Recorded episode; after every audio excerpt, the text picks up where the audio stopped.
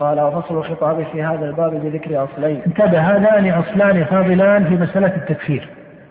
هذان أصلان فاضلان في مسألة التكفير. وثمة أصل ثالث يقرره شيخ الإسلام في كتبه الأخرى كدر التعارض نذكره بعد ذكر الأصلين. وتكون معنا أصول ثلاثة. قال وفصل الخطاب في هذا الباب بذكر أصلين أحدهما. أن يعلم أن الكافر في نفس الأمر من أهل الصلاة لا يكون إلا منافقا. نعم هذه قاعدة. انتبه لها لأن قاعدة فيها جدل أو فيها تنظيم عقلي معين. يقول أن يعلم أن الكافر في نفس الأمر من أهل الصلاة لا يكون إلا منافقا.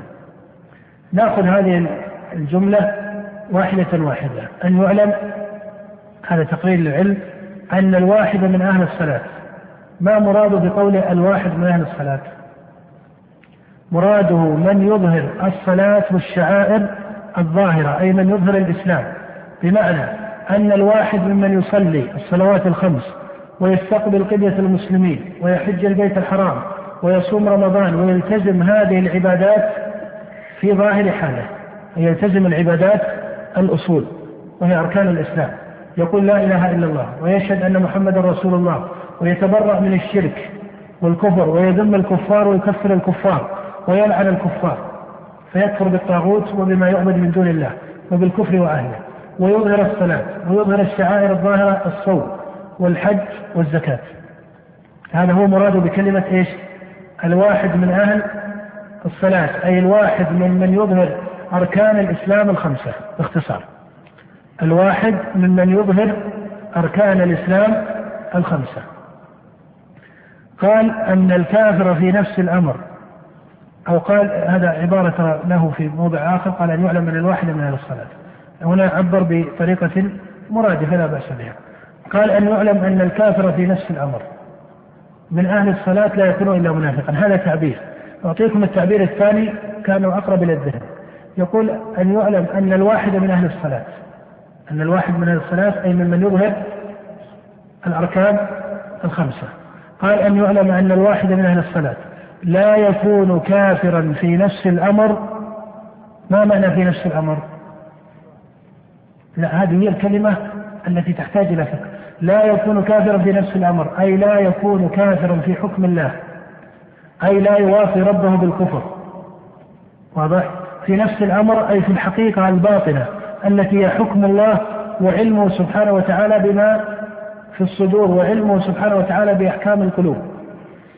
لا يكون كافرا في نفس الأمر إلا إذا كان ما يظهره من الصلاة والشعائر الظاهرة على جهة النفاق.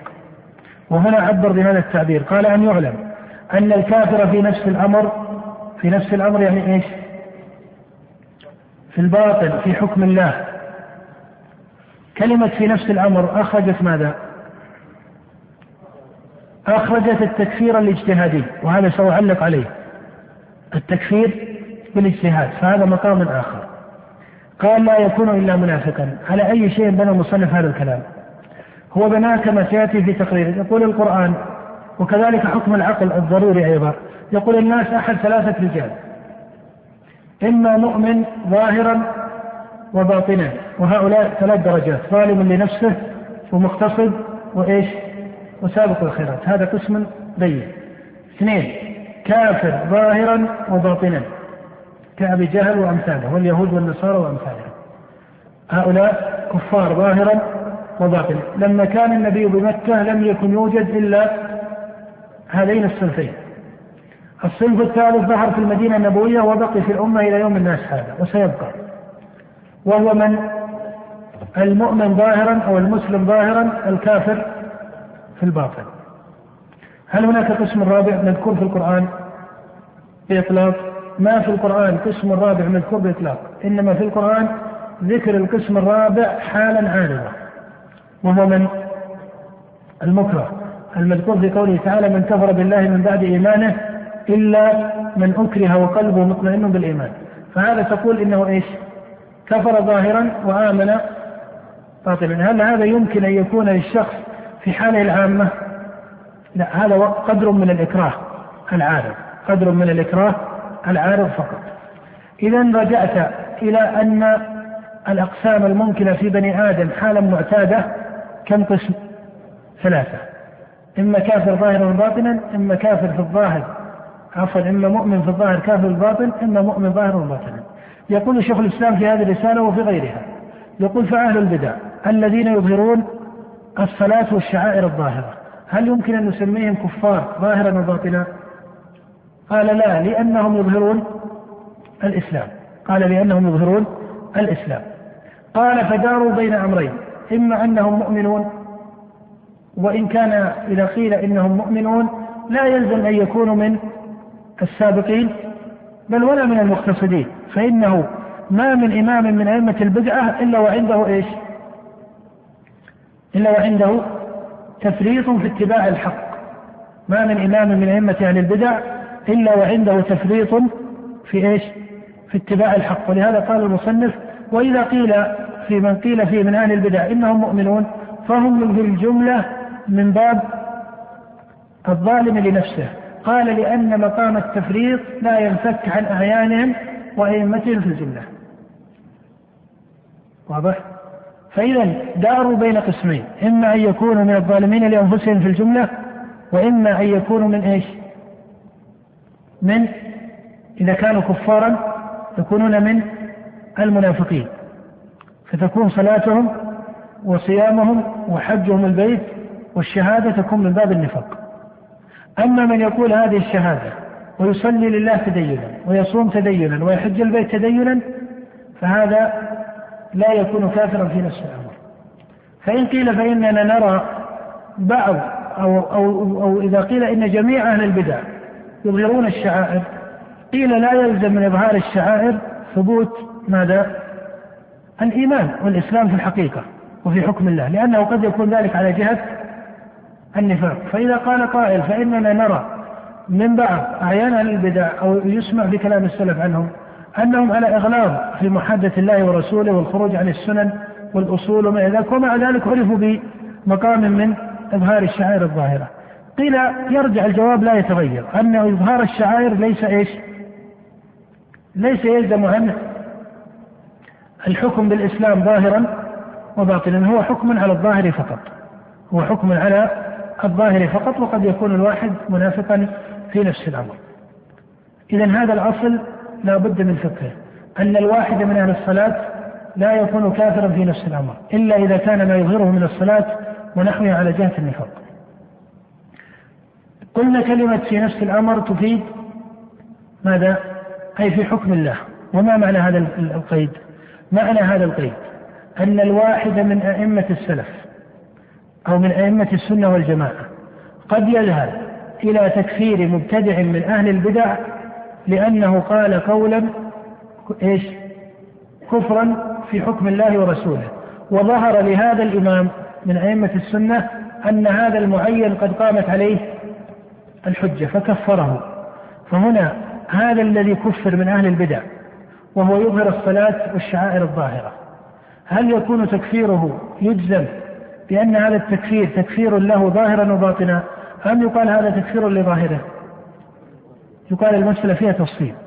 إن كان ما كفر به هو من القطعيات المعلومة من الدين بالضرورة التي لا تحتاج إلى جدل وتأويل فلا بد أنه يكون إيش؟ كافر ظاهرا وباطنا. كمن قال من القدرية إن الله لا يعلم ما سيكون. هذا يكفر ولا يكفر؟ يكفر. هل يقال تكفيره اجتهاد أم قطعي؟ ماذا؟ تكفيره قطعي والدليل على ذلك أن السلف ما ترددوا في هؤلاء الأعيان من غلاة القدرية. بل هذا كفر معلوم بالضرورة من دين الرسل جميعهم. وأما إذا كان ما كفره الإمام من أهل السنة أو ما كفر به الإمام من أهل السنة هذا البدعي. هي من المسائل التي دخلها إجمال واشتباه وتأويل عند بعض الأعيان أو بعض الطوائف. حتى إن الأئمة وهذا الإمام المعين لا يلتزم أن يكفر إيش؟ ماذا؟ لا يلتزم أن يكفر سائر من يقول بهذه المقالة. لكنه كفر واحدا من أعيان هذه المقالة لحال قامت عنده. فنقول إن تكفير هذا المعين يكون في الجملة من باب يكون في الجملة من باب الاجتهاد. دعك من أحوال عارضة. مثلا لو أن هذا المجادل من أهل البدع أثناء المناظرة قال أنا لا أؤمن برسالة النبي. هب أنه قال كذلك. أو هب أنه قال أصلا القرآن ما ذكر التوحيد والتوحيد لا يعرف من القرآن. فكفره الإمام بذلك. هل كفره بأصل الجملة الأولى التي يشترك غيره فيها أم كفره بما طرأ؟ كفره بإيش؟ بما طرأ. فإذا كفره بطارئ قطعي قيل إن تكفيره إيش؟ لا. إذا كفره بطارئ في المناظرة قطعي قيل إن تكفيره قطعي. وأما إذا كفره بحسب الجملة الأولى التي يشترك هو وغيره فيها كالقول بخلق القرآن. فهذا التكفير اجتهادي. أضرب لذلك مثلا الإمام أحمد بين يديه رجلان ابن أبي دؤاد والمعتصم. كلاهما يقول إيش؟ بخلق القرآن. لم يكفر المعتصم. روى الخطيب البغدادي وذكر بعض أصحاب السنة أن الإمام أحمد سئل عن ابن أبي دؤاد فقال هذا رجل كافر بالله العظيم. هذا ترى في تاريخ بغداد وغيره. إذا انضبط هذا أو صح هذا عن الإمام أحمد فهو ليس بمشكل. أنه كفر ابن أبي دؤاد لما؟ لأن القول بخلق القرآن عند السلف ماذا؟ كفر لا جدل فيه. هل الواحد ممن قال يكفر نقول هذا بحسب العلم بقيام الحجة عليه. هل هذا العلم يلزم أن يكون قطعيا أم أنه مقام من الاجتهاد؟ أحيانا يكون مقاما من إيش؟ الاجتهاد. فالنتيجة في ذلك أن تكفير الإمام أحمد كمثال لابن أبي دعاد وهذه قاعدة تطرد لك في سائر ذلك. أن تكفير الإمام أحمد لابن أبي دعاد هل نقول إنه تكفير قطعي يجب على من بعد الإمام أحمد أن يعتقد أن ابن أبي دعاد كافر كما يعتقد أن فرعون وأبي جهل كافر؟ لا هذا اجتهاد من الإمام أحمد. قد يكون أصاب فيه وقد يكون إيش؟ أخطأ فيه. إن أصاب فله أجران وإن أخطأ فله أجر وهو عن الإمام أحمد اجتهد في التكفير. قد يقول قائل ما وجه خطأه؟ نقول قد يكون الرجل في حكم الله. إيش؟ ليس بكافر. فإذا قيل كيف يكون ليس بكافر؟ وهو يقول بخلق القرآن. قيل لو كان مجرد القول بخلق القرآن يلزم أن يكون كافرا في حكم الله لماذا؟ لأجمع السلف على تكفير كل من قال بخلق القرآن ظاهرا وباطنا. وهذا لم يجمعوا عليه بل كانوا يرون السواد من يقول بذلك من المسلمين الباغين الظالمين المبتدعين. وإن كان قولهم كفرا فإذا هذه مسألة لا بد من ضبطها إلى أن اجتهاد المجتهد من أئمة السنة لا يلزم بالضرورة أن يكون إيش؟ صوابا وأهم من هذه القضية لا يلزم أن يكون سنة لمن بعده أن يكون من الحقائق لزوم التزام التكفير لابن أبي دعاد هذه مسألة أصلا لم تتحقق أولا عن الإمام أحمد ثم لو تحققت فهي اجتهاد. بخلاف تكفير الإمام أحمد لمن؟ إن المؤله لعلي بن أبي طالب هذا تكفير قطعي وهو معروف قبل وجود الإمام أحمد رحمه الله بخلاف تكفير الأعيان. ابن أبي دعاد هل تكفيره بعينه معلوم قبل الإمام أحمد؟ معلوم من الدين بالضرورة؟ لا هذا تكفير باجتهاد. والدليل أن الإمام أحمد رأى أن أن المعتصم ما قامت عليه الحجة فما كفره. ورأى أن ابن أبي دعاد قامت عليه الحجة في إيش؟ فكفر. هذا اجتهاد الإمام أحمد. وقد يكون الأمر في حكم الله مختلف. قد يكون المعتصم في حكم الله حكمه مختلف. هذه أمور إلى الله وإن كان الأصل وظاهر حاله رحمه الله البراءة من ذلك. نعم. قال الله بعد محمد صلى الله عليه وسلم وانزل عليه القرآن نعم. وهذا استدلال من القرآن كما في صدر سورة البقرة وغيرها على هذا التقسيم عند شيخ الإسلام. ولهذا من يقول إن هذا التقسيم غلط نقول ليس بغلط بل هو صواب عقلا وشرعا. فإنه لا يوجد في العقل ولا في الشرع أيضا في كتاب الله ذكر لأقسام الناس إلا على هؤلاء الانحاء الثلاثة إلا الحالة العارضة التي سبق الإشارة إليها. نعم.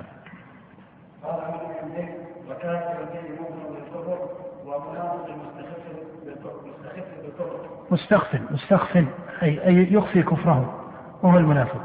مستخف بالكفر ولهذا ذكر الله عليه وسلم في أول سورة البقرة وذكر أربع آيات منها في المؤمنين وآيتين في الكفار وبضع عشرة آية في المنافقين نعم ويا ليت أن طالب العلم يكون يتدبر مثل هذه المسائل التكفير من سياقات القرآن الذي لا يأتيه الباطل من بين يديه ولا من خلفه. في أول سورة البقرة تقرير لأصول أقسام الناس في مقام الكفر ومقام الإيمان الظاهر وإيش؟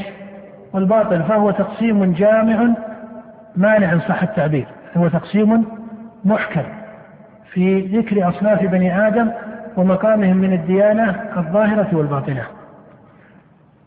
نعم. وقد ذكر الله الكفار المنافقين في غير موضع من القرآن وقوله ولا وقوله ان الله جمع المنافقين والكافرين في جهنم جميعا وقوله اليوم اليوم لا يؤخذ منكم فدية ولا من الذين كفروا واعتبرهم على الكفار يميزهم عنهم في اظهار الاسلام والا فهم كفار شر من الكفار كما قال تعالى ان المنافقين في الدرك الاسفل من النار وكما قال ولذلك قد تجرى أحكام الإسلام على بعض أهل البدع الذي يكون في حكم الله سبحانه وتعالى إيش؟ شرا من كثير من الكفار الظاهر الكفر. كما أن النبي أجرى جملة من أحكام الإسلام الظاهرة على المنافقين مع أن المنافقين في كثير من مواردهم شر من الظاهر الكفر. نعم. وكما قال ولا تصلي على احد منهم مات ابدا ولا تقم على قبره انهم كفروا بالله ورسوله وكما قال وينفقوا طوعا وطمعا ان يتقبل منكم انكم كنتم قوما فاسقين وما منعهم ان تقبل منهم نفقاتهم الا انهم كفروا بالله ورسوله ولا ياتون الصلاه الا وهم كسالى ولا ينفقون الا وهم كارهون واذا كان كذلك انتبه لهذا التقرير هذا تقرير متين قال وإذا كان كذلك نعم وهذه حقيقة شرعية وسلفية لا بد من فقهها وإذا كان كذلك فأهل البدع فيهم المنافق الزنديق الكافر في حكم الله سبحانه وتعالى وإن لم إيش؟ وإن لم يعلم الناس أنه كافر. وقال رحمه الله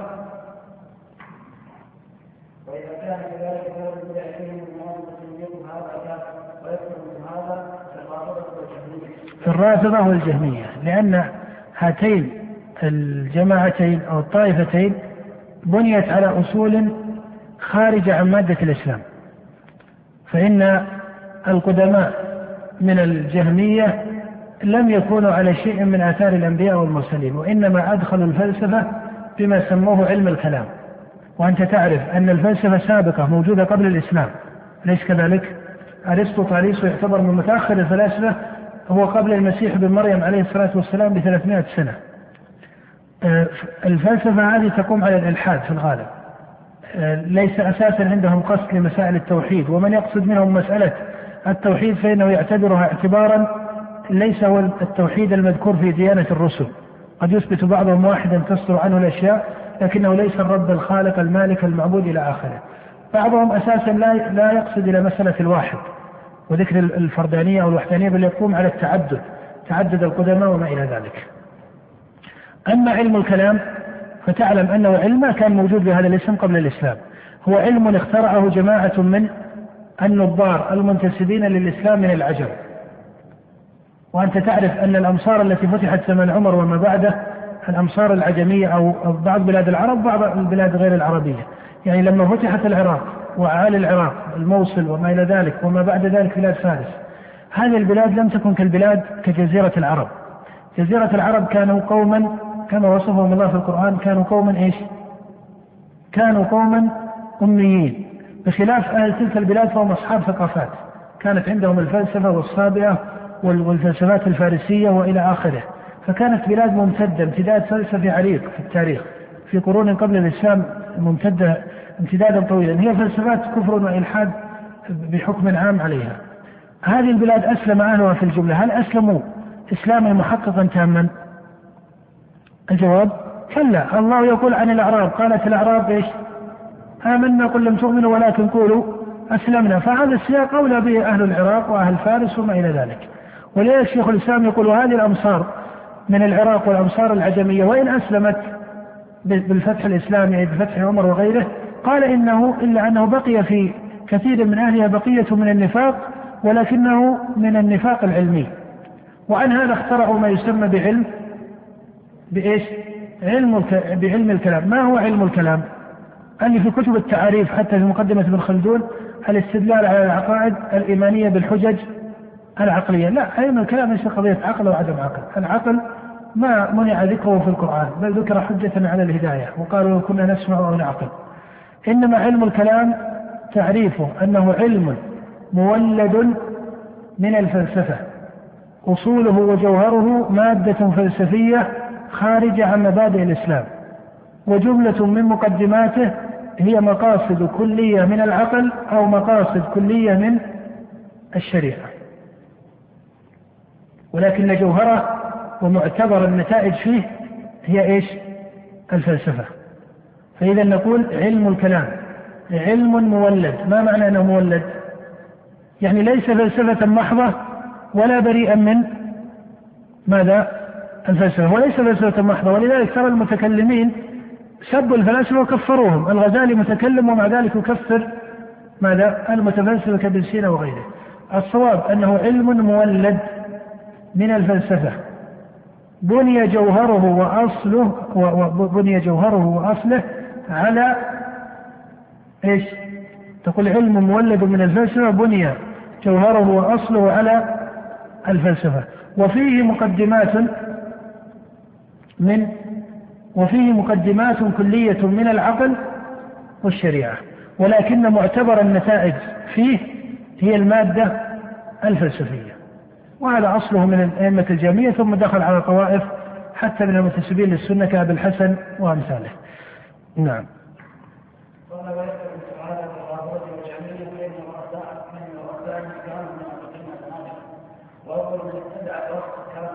نعم ويقصد بذلك ابن سبع ابن سبع لا شك أنه كافر. عبد الله أو من يسمى بعبد الله بن سبع هذا لا شك أنه لم يكن عبدا لله ولا شك أنه كافر. وهو من المنافقين. الذين أظهروا الإسلام كذبا. قد يكون أظهر الإسلام وهو على اليهودية وغير اليهودية هذه مسألة ما تحتاج إلى جدل كثير هذه مسألة الله أعلم بحقيقتها لكن الرجل لم يكن على دين آه، صادق أو ديانة صادقة.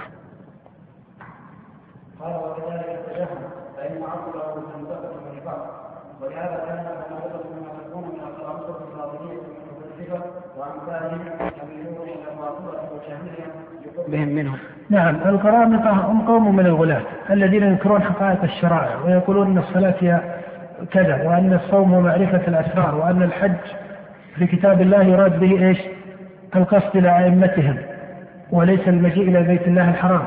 الذين يقولون بهذه المبادئ ويلتزمونها لا شك أنهم إيش؟ كفار زنادقة ظاهرا وباطنا.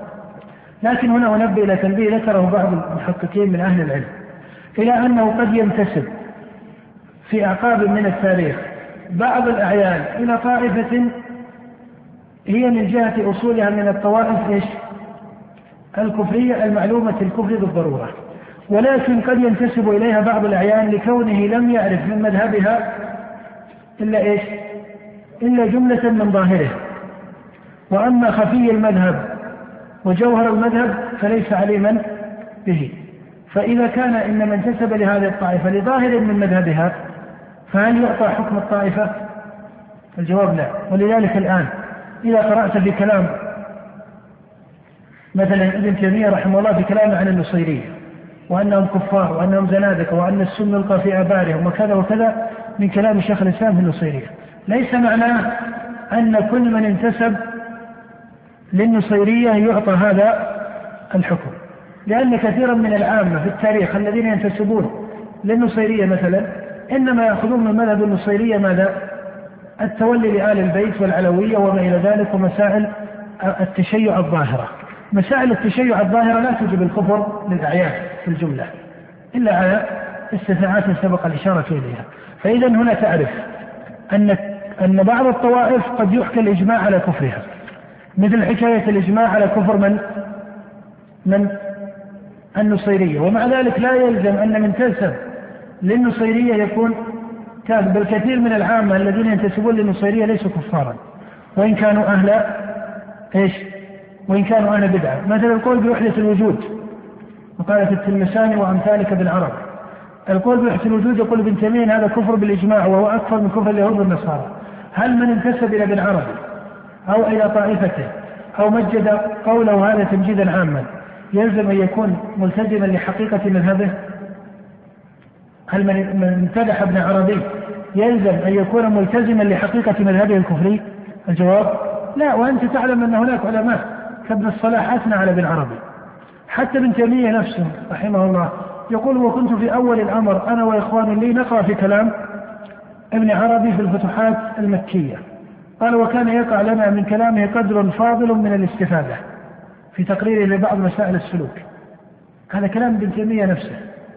قال ثم بان الله بعد ذلك لنا ما قصد في كلامه من الكفر والإلحاد والمروق من الدين إلى آخره فبينا ذلك في مواضع من كلامنا فالقصد أن أن الإنسان قد يجهل ماذا؟ وإذا مجرد الانتساب أحيانا البعض يقول من انتسب إلى كافر فهو إيش؟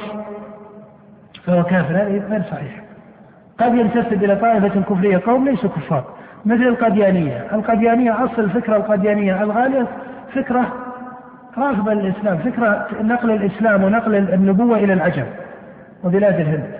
هذه هي الفكرة الغالية. لكن أصبح كثير من العوام من المسلمين إيش؟ أتباع لدعوة القاديانية. هل هؤلاء يقال أنهم يعطون الحكم الذي يعطاه الغالية الملتزمون لأصول المذهب وحقائق المذهب؟ هذا ليس بلازم. وهذه قاعدة تطرد لك. أن مجرد الانتساب لظاهر مذهب لا يلزم أن يعطى المنتسب حكم المذهب الذي هو الجوهر الذي لا يلزم يكون يظهر لسائر العوام. لأنك تعرف أن طائفتين الشيعة والصوفية كثر في كلامهم التقسيم للدين إلى إيش؟ ظاهر وباطن. حتى ما يقررونه من الظاهر في الجملة أنه بدع أو سنن. ما يقررونه من الظاهر في الجملة أنه بدع. ولكن في الغالب أنها ليست بدعا. ماذا؟ كفرية. كان غالية من الشيعة. تظهر في الظاهر التشيع لعلي بن أبي طالب وسب الصحابة. لأنهم ظلموا على البيت أموالهم. هذا ظاهر ولكنه بدعة ليس كفرا قد يكون عند بعض رؤسائهم وبعض أحيانهم حقائق يسمونها الباطل التي الذي لا يصل إليه إلا من؟ إلا الخاصة ولا يصل إليه العامة. هل العامة الذين ينتسبون لهذه الطائفة يؤاخذون بأحكام الباطل؟ لا لأن الإنسان ما يكفر إلا بإيش؟ بما, بما إلا بما إلا بما أظهر وعلم من نفسه اليقين به. فإذا النتيجة من هذا أن مجرد الانتساب لطائفة كفرية لا يلزم منه أن يكون المنتسب على تطبيق لحقائق مذهبها بل لابد أن ينظر في شأنه لابد أن المعين ينظر في شأنه. نعم. بشكل عام قدر ما يستطيع طالب العلم يبتعد عن التكفير ترى أفضل ولن يسأل يوم القيامة لماذا ما كفرت زيدا وعمرا. إنما الذي يجب العلم به هي كفر الطوائف التي كفرت بالله ورسوله على التصريح. كفر اليهود كفر النصارى كفر عبدة الأوثان. أما هذا السواد من المسلمين الذين اختلطت عليهم الأمور وخالطوا السنن بالبدع وما إلى ذلك فمن استقر عند أئمة السلف كفره فإنه إيش؟ يكفر. وأما من تردد السلف في تكفيره فلست أولى بالوقوف منهم لأن القوم كانوا أعلم وأدرى وأدين وأحق ومع ذلك توقفوا أو تنازعوا. فالمسألة إذا دخلها مادة من التردد أو النزاع فالكف عنها أولى لأن الله يقول ولا تقف ما ليس لك به علم. وليس من من الحرص الاندفاع إلى الجزم بتكفير. وما كما قلت من يطلق تكفير الرافضة هذا غلط. من يقول إن الرافضة بأعيانهم كفار هذا غلط. هذا ليس تهويلا من بدعهم بدعهم ضلال وفي كلامهم ضلال وكفر لا شك لكن القول بأن سائر أعيانهم كفار هذا ليس بصحيح بل فيهم الظالم لنفسه من المسلمين وفيهم وهو الغالب عليهم من يقال فيه إيش؟ يفوض ماذا؟ يفوض أمرهم إلى الله. لأن العلم بقيام الحجة وما في الصدور وما في النفوس وما إلى ذلك هذا علم يختص به الله سبحانه، ما ظهر لنا وتقر واستقر يقال به وما لم يظهر فيوكل أمر أهله إلى الله. فالقصد أن من يحكي الإجماع على تكفير الرافضة بأعيانهم عن السلف هذا ليس بإجماع صحيح. وأنت ترى شيخ الإسلام هنا يقول قد تردد السلف أو تنازعوا في تكفير الرافضة فهم قوم فيهم تفصيل وفيهم نزاع نعم. قال ومن أهل البدع من يكون فيه إيمان باطنا وظاهرا حتى الإمام ابن تيمية ترى مع كلامه في في الرافضة. لما يقول في كتاب في بعض كتبه يقول ومع ذلك لما ظهر عليهم السلطان في أعالي الجبل يقول استفتى في مسألة كفرهم ومسألة قتلهم. قال فأفتينا أنهم ليسوا كفارا ولا يستحقون القتل بل يفرقون بين أمصار المسلمين حتى يندفع شرهم وفسادهم. هذا جواب شيخ الإسلام لما استفتاه السلطان في شأنهم وقد ظهر السلطان على ثورتهم أو على معارضتهم بالأسلوب المعاصر.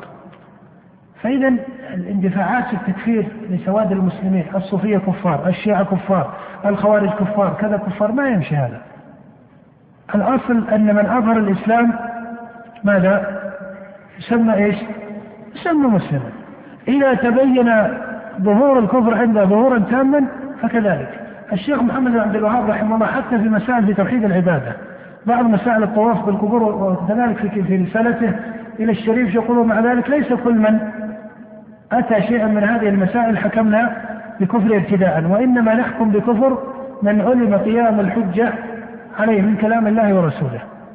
والإمام ابن تيمية يقول وكثير من المسلمين يعلمون أو عفوا يعملون ما يظنون أنه من حقائق الإيمان والقرب إلى الله قال وهو عند التحقيق يعلم ضرورة أنه من الكفر بالله ورسوله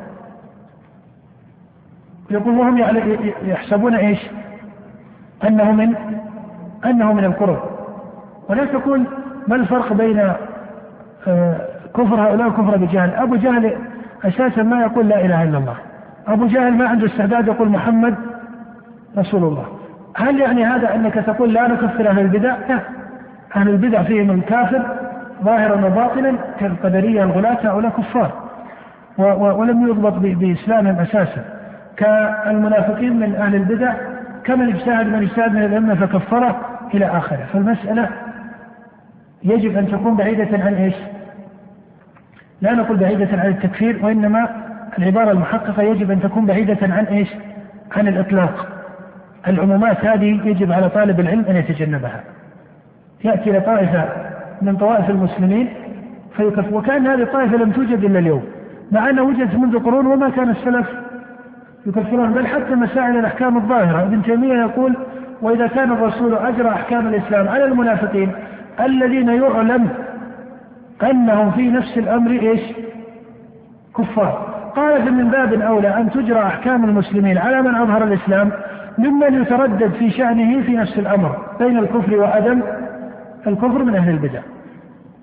يقول وإذا كان النبي صلى الله عليه وسلم أجرى أحكام المسلمين على المنافقين الذين يعلم أنهم في نفس الأمر كفار على الجزم قال فمن باب أولى أن تجرى أحكام المسلمين على من أظهر الإسلام ممن تردد حكمه في نفس الأمر بين الكفر وإيش؟ وعدمه من أهل البدع. فإذا أنا أقول باختصار أن من يريد أن يتفقه في هذه المسألة فليعتبر كلام شيخ الإسلام ابن تيمية لأنه كلام محقق مفصل. ابن تيمية ترى من يقول أنه يكفر الرافضة غلط عليه. ابن تيمية لا يكفر الرافضة تكفير إيش؟ ماذا؟ ابن تيمية يقول في كلامهم كفر. يقول يقع في بعض أعيانهم الزندقة والإلحاد والكفر. هذا يقوله نعم. لكن أنه يلتزم أن كل من انتسب لهذا المذهب فهو إيش؟ كافر بعينه مثل ما تقول إن كل يهودي كافر بعينه هذا ما قاله شيخ الإسلام لا في الرافضة ولا في الخوارج ولا في القدرية ولا في غيرها إنما شيخ الإسلام يلتزم معاني يقول من يقول بوحدة الوجود على معناه المعروف في الفلسفة فهذا القول من التزمه إيش؟ كان كافرا أكثر من كفر اليهود والنصارى وهكذا من التزم تحريف القرآن من جنس تحريف التوراة والإنجيل والتزم هذا القول ظاهرا وباطنا فهذا إيش؟ فهذا كافر، أما التكفير بالأسماء وهذه هي الفائدة التي يمكن لك أن تلخصها في الأخير. التكفير بالأسماء ليس منهجا شرعيا. اسمه شيعي يكفر غلط. اسمه خارجي يكفر غلط. اسمه مرجي يكفر غلط. التكفير بالأسماء لا يصح إلا الأسماء إيش؟ التي انضبط في كتاب الله الكفر لأهلها كان تقول كل يهودي كافر كل نصراني كافر كل مجوسي كافر الأسماء المنضبطة في الكفر التي هي عبارة عن ملل كفرية أساسا. أما الأسماء التي هي عبارة عن طوائف انتحالية في داخل أهل القبلة في الأصل. فطرد التكفير بسبب الأسماء بين أهل القبلة يسوغ أو لا يسوغ؟ يسوق ولا يسوق؟ يسوق الآن سؤال. هات طائفة واحدة التزم السلف التكفير باسمها.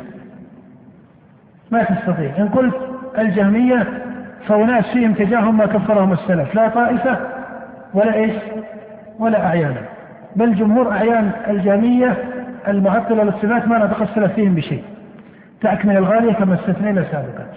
المعتزلة ما نطق السلف فيهم بشيء صريح من جهة أعيانها وإن كانت أقوالهم أقوالا إيش؟ كفرية.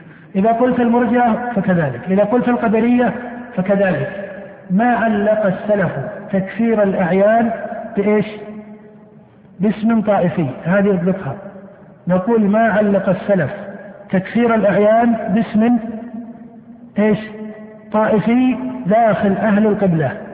أي يجعلون أن من انتسب إلى هذا الاسم مباشرة يكون كافر من جنس كفر اليهود والنصارى. هذا أبدا. وعليه فمن يكفر بالأسماء؟ هذا منهج ليس بصحيح. ومن نسب لشيخ الإسلام منه شيء فقد غلط عليه. ابن تيمية في جميع الطوائف يفصل. الصوفية فصل فيها. الشيعة الرافضة فصل فيها. الخوارج فصل فيهم. الجهمية فصل فيهم. ما هناك طائفة التزم ابن تيمية التكفير لسوادها أو التكفير باسمها. نعم.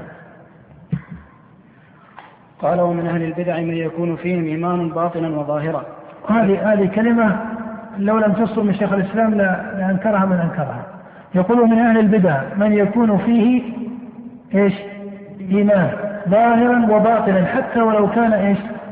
صاحب بدعة خارجا عن أهل السنة حتى ولو كان صاحب بدعة خارجا عن أهل السنة. وإذا قيل إن فيه إيمانا ظاهرا وباطنا هل يلزم من ذلك أن يكون سابقا بالخيرات؟ الجواب لا فإنه قد يكون ظالما وهذا هو الأصل فيهم والغالب عليهم أنهم ظالمون لأنفسهم. نعم. لكن فيه جهلا وظلم حتى أخطأ ما أخطأ من السنة. فهذا ليس بكافر ولا منافق. ليس بكافر ولا منافق. وهذا يوجد في أكثر طوائف أهل البدع. نعم. ثم قد يكون منه عدوان وظلم. يكون به فاسقا أو عاصيا. نعم قد يكون خطأه هذا وبدعته هذا عن عدوان عن عدوان وظلم. كما هو الغالب على من انتسب لطائفة بدعية وعدل نفسه عن عن السنة والجماعة فهذا في الغالب أنه يصدر عن ماذا؟ عن تفريط والتفريط هو المقصود بكلمة عدوان وظلم وقد يكون ذلك من الخطأ المغفور له ولو كان قوله إيش؟ بدعة كغلط بعض أعيان السنة والجماعة الذين عرضت لهم بعض البدع القولية فهذا في الغالب أنه يقع عن ماذا؟ عن عن خطأ محض أي ليس عن تقصير وتفريط. فهذا من باب الخطأ المغفور بإذن الله تعالى ومسألة التعيين هذه مسألة إلى الله سبحانه. نعم. وقد يكون مخطئا متأولا مغفورا له خطأه. وقد يكون مع ذلك معه من الإيمان والتقوى ما يكون معه من من ولاية الله بقدر إيمانه وتقواه. نعم. قد يكون عنده قدر من الولاية ولو كان ولو كان صاحب أو عنده بعض البدع. وإذا قيل كيف يقال الولاية مع أن الله يقول ألا إن أولياء الله لا خوف عليهم ولا هم يحزنون؟ الذين آمنوا كانوا يتقون. يقال الولاية بمنزلة اسم الإيمان. أي كما أن الإيمان له إطلاق وتقييد فكذلك إيش؟ الولاية فإنها فرع عن الإيمان. فمن حقق الإيمان حقق إيش؟ الولاية. ومن نقص الإيمان نقص الولاية. فالولاية بقدر الإيمان. فالولاية بقدر الإيمان. وأما ما يتبادر ان الولاية مقام من الدرجة ليس له كمال وأصل وإنما هو مقام واحد هذا ليس بصحيح. بل الولاية كالإيمان وهي فرع عنه لها كمال ولها أصل؟ نعم. فهذا أحد الأصلين. والأصل الثاني أن المقالة تكون كفرا كجحد وجوب الصلاة والزكاة والصيام والحج وتحليل الزنا والخمر والميسر ونكاح ذوات المحارم. ثم القائل بها نعم كهذه المقالات أو كالقول بخلق القرآن أو إنكار الرؤية أو إنكار العلو هذه مقالات إيش؟ هذه مقالات كفرية ولا يلزم أن القائل بها يكون كافرا. نعم. ثم القائل بها قد يكون بحيث لم يبلغه الخطاب وكذا وكذا لا لا يكفر به جاحده. كما لم يبلغه الخطاب أي ما بلغه الدليل أصلا فهذا ليس بكافر. أو أنه بلغ بلغه الخطاب ولم يصح عنده كان يكون حديثا عن النبي صلى الله عليه وسلم أو أن يكون بلغه الخطاب ولكنه لم يفقه معناه. فإن الحجة لا تكون بمجرد إيش؟ بمجرد إيش؟ سماع النص. حتى ولو كان لم يفقه النص. ومن يقول إن الله كفر. الآن بعض من يقرر يقول قيام الحجة مجرد يسمع النص يكفي. فقه ما فقه بما يلزم. ويقول هذه المسألة فيها إجماع وهذا اختيار فلان واختيار فلان، لا المسألة ما هي تاخذ مسألة زيد وعمر واختيار فلان وفلان، هذه مسائل أصول لابد تكون مبنية على مقاصد ومقامات واضحة من الشريعة. من يقول إنه لا يلزم ذلك تقول له لما؟ قال لأن الله كفر الكفار بمجرد أنهم سمعوا إيش؟ شيء من آيات القرآن. نقول هذا الكلام صحيح أو غير صحيح؟ الكلام صحيح أو غير صحيح؟ بلى صحيح الله سبحانه وتعالى كفر الكفار بعد بعث النبي ونزول الوحي لما سمعوا أصل الدعوة وشيء من الكتاب الذي نزل على رسوله عليه الصلاة والسلام. لكن يقول إن النبي ما سأل هل الفقه أو ما فقه كلا جميع الكفار في زمن النبي صلى الله عليه وسلم عرفوا وفقهوا أصل الدعوة وأصل الإسلام. لأن النبي كان يقول لهم كلمة قولوا إيش؟ لا إله إلا الله. هذه الكلمة كانت العرب تفقهها أو لم تفقهها؟ كانت تفقهها ولهذا قال الله عنهم في في مراجعتهم في مسألة الاستجابة أجعل الآلهة إلها واحدا. هم كانوا يعرفون معنى التوحيد بمجرد نطق النبي به. فهذا من يقول إن العرب مجرد سمعوا ما فقهوا نقول خطأ بل فقهوا. العرب فقهت وكانوا يفقهون أصل الجملة التي هي التوحيد وهذا هو أصل معارضتهم للرسالة. وصاحب الرسالة عليه الصلاة والسلام كان مقصود الأول من العرب وغيرهم أن يقولوا إيش؟ لا إله إلا الله. فإن من آمن بها لزم أن يؤمن بما بعدها من الكلمات. فإذا العرب فقهوا أما من يقول إنهم لم يفقهوا كلا وممن يستدل على ذلك أحيانا بعضهم يقول وترى في كتاب الله أن الله كفر الكفار وهم جاهلون. لم يعلموا. فإذا قلت لهم الدليل قال الدليل قوله تعالى وقالوا لو كنا نسمع أو نعقل فكفرهم الله وأدخلهم النار وهم ما عقلوا. هذا غلط في فهم القرآن. وتجد من يقول من الدليل قوله تعالى خذ العفو وأمر بالعرف وأعرض عن الجاهلين. قال فكفر الله العرب مع أنه سماهم جاهل. هذا غلط في فهم كلام الله. لأن المقصود بالجهل هنا ترك الرسالة ترك الاتباع ترك الاستجابة. أليس الله قد قال عن الكفار كما ذكرنا سابقا الذين آتيناهم الكتاب إيش؟ يعرفونه كما يعرفون أبناءهم. وقال وجحدوا بها واستيقنتها أنفسهم إلى آخر ذلك. فلا شك أنهم كانوا يعرفون كانوا يعرفون الحقائق وفهم الحقائق. ولكن هنا مقام هل يلزم أن يفقه المعنى من جنس فقه أئمة العلماء وأئمة المؤمنين؟ الجواب لا يلزم ذلك. إنما المقصود فهم الحقائق الكلية التي عليها مبدأ الدخول في الإسلام وعدم الدخول فيه. أما الحقائق التفصيلية التي هي من مبادئ زيادة الإيمان وزيادة العلم فلا شك أنه لا يلزم في قيام الحجة أن يفهمها الفاهم ويفقهها الفاقه. نعم. قال كمن هو حديث عهد بالإسلام أو نشأ ببادية بعيدة لم تبلغه شرائع الإسلام فهذا لا يحكم بكفره بجحد شيء مما أنزل على الرسول إذا لم إذا لم يعلم أنه أنزل على الرسول. ومقالات الجهمية هي من هذا النوع. نعم لاحظ الفقه. يقول ومقالات الجهمية التي هي إيش؟ كفر أو ليست كفرا؟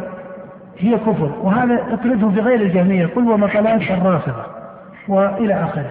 قال ومقالات الجهمية من هذا النوع أي أنها كفر أو فيها ما هو كفر بلا جدل.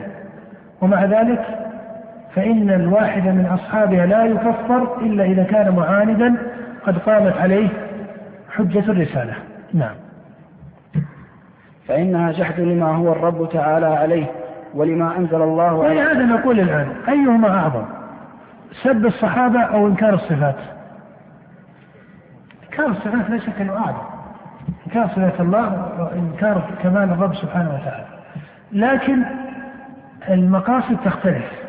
ولهذا من سب الصحابة كما قلنا سابقا على معنى الطعن في نبيهم. أو على معنى الطعن فيما معهم من الديانة أو أن الديانة التي أخذوها من رسول الله ومن القرآن ليست صحيحة أو أن هديهم القرآن هديا مفضولا وأن الهدي الفاضل هو الهدي المختص من مقامات من العلم أو من الظاهر أو من الباطن أو من السفسطات التي يقولها بعض الغلاة. فلا شك أن هذا السب من إيش؟ من الكفر الأكبر. نعم. قال وتغلظ مقالاتهم من ثلاثة أوجه. أحدها أن نعم نقف على هذا. نقف على هذا. إذا الأصل الثاني باختصار أن المقالة قد تكون كفرا ومع ذلك إيش؟ لا يلزم أن يكفر صاحبها. وإن كان إيش؟ هذا القول أنه لا يلزم معناه أنه لا يكفر بحال. نقول إيش؟ قد قد يكفر. إما قطعا وإما ماذا؟ اجتهادا. قطعا إذا كانت المقالة قطعية بينة يضطرد القول في عن السلف كإنكار العلم السابق وإما اجتهادا ككلام الإمام أحمد في مسألة القرآن. نعم.